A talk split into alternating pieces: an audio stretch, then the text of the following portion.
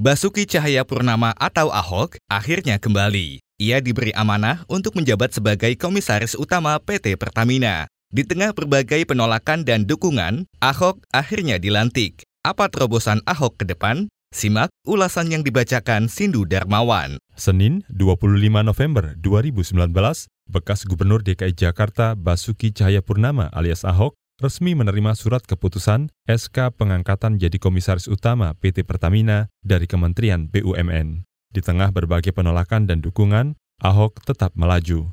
Ia bahkan sudah membuat berbagai program kerja sebagai komisaris utama PT Pertamina. Salah satunya membuat saluran pengaduan untuk masyarakat. Daerah semakin banyak ada nomor pengaduan, semakin banyak melapor, itu akan menolong kami melakukan pengawasan lebih baik. Jadi, Karena nggak mungkin kita bisa ngawasin tanpa informasi ya istilahnya kayak dulu di Jakarta kita ada clue lah. Ada clue kita bisa awasin. Nah tujuan saya adalah membantu Ibu Nike dan teman-temannya berhasil jadi dirut Pertamina dalam sejarah kita gitu loh. Itu tugas Ahok berharap layanan pengaduan tersebut bisa ditindaklanjuti dan direalisasikan oleh manajemen. Pamor Ahok yang dianggap tegas membuat istana memberi sinyal lain.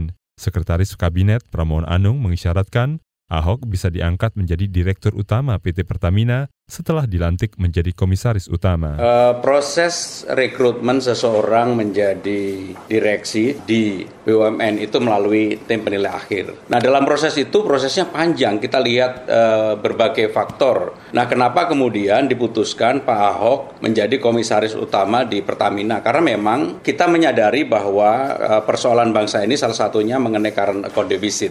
Kenapa nggak dirotasi? Ya hari ini uh, yang sudah diputuskan menjadi komisaris utama. Nanti kita lihat perkembangan. Pramono mengatakan, Ahok dengan jabatan komisaris utama ditugasi memperbaiki tata kelola Pertamina, termasuk menekan impor yang membebani defisit perdagangan dan defisit transaksi berjalan. Menurut Pramono, Jokowi ingin Ahok mendorong Pertamina mengurangi ketergantungan impor minyak dengan memperbesar bauran minyak kelapa sawit lewat program B20 B30 hingga B50. Sebelumnya, penunjukan Ahok sebagai komisaris utama PT Pertamina sempat mendapat penolakan dari serikat pekerja di 16 patra yang ada di seluruh Nusantara. Basuki Cahayapurnama sudah mendapat banyak penolakan. Salah satunya datang dari Koordinator Gerakan Indonesia Bersih. Politisi PD Perjuangan Basuki Cahayapurnama menjadi petinggi di PT Pertamina menyatakan penolakan, penolakan pengangkatan Basuki Cahayapurnama atau Ahok sebagai pimpinan di PT Pertamina. Penolakan tersebut berdasarkan sejumlah pertimbangan. Salah satunya terkait rekam jejak Ahok. Bisa lihat track record beliau kan bahwa tidak cukup banyak yang bisa membuktikan bahwa uh, ada bersinggungan dengan proses bisnis uh, uh, oil and gas. Syarat-syarat yang ada di apa yang hmm. di ferment tadi itu ya salah satunya kan uh, berkompeten dan berpengalaman begitu. Uh, kami melihatnya namun ekonom senior Faisal Basri memperkirakan akan ada perubahan kinerja jika Basuki Cahayapurnama menjadi bos di badan usaha milik negara itu. Kalau tanpa tim ya berat, ya kan?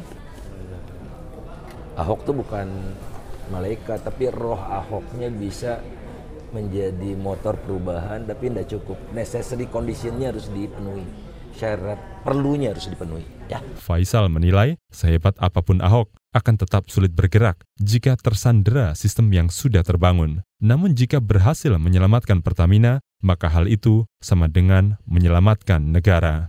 Demikian laporan khas yang disusun tim KBR. Saya Sindu Darmawan.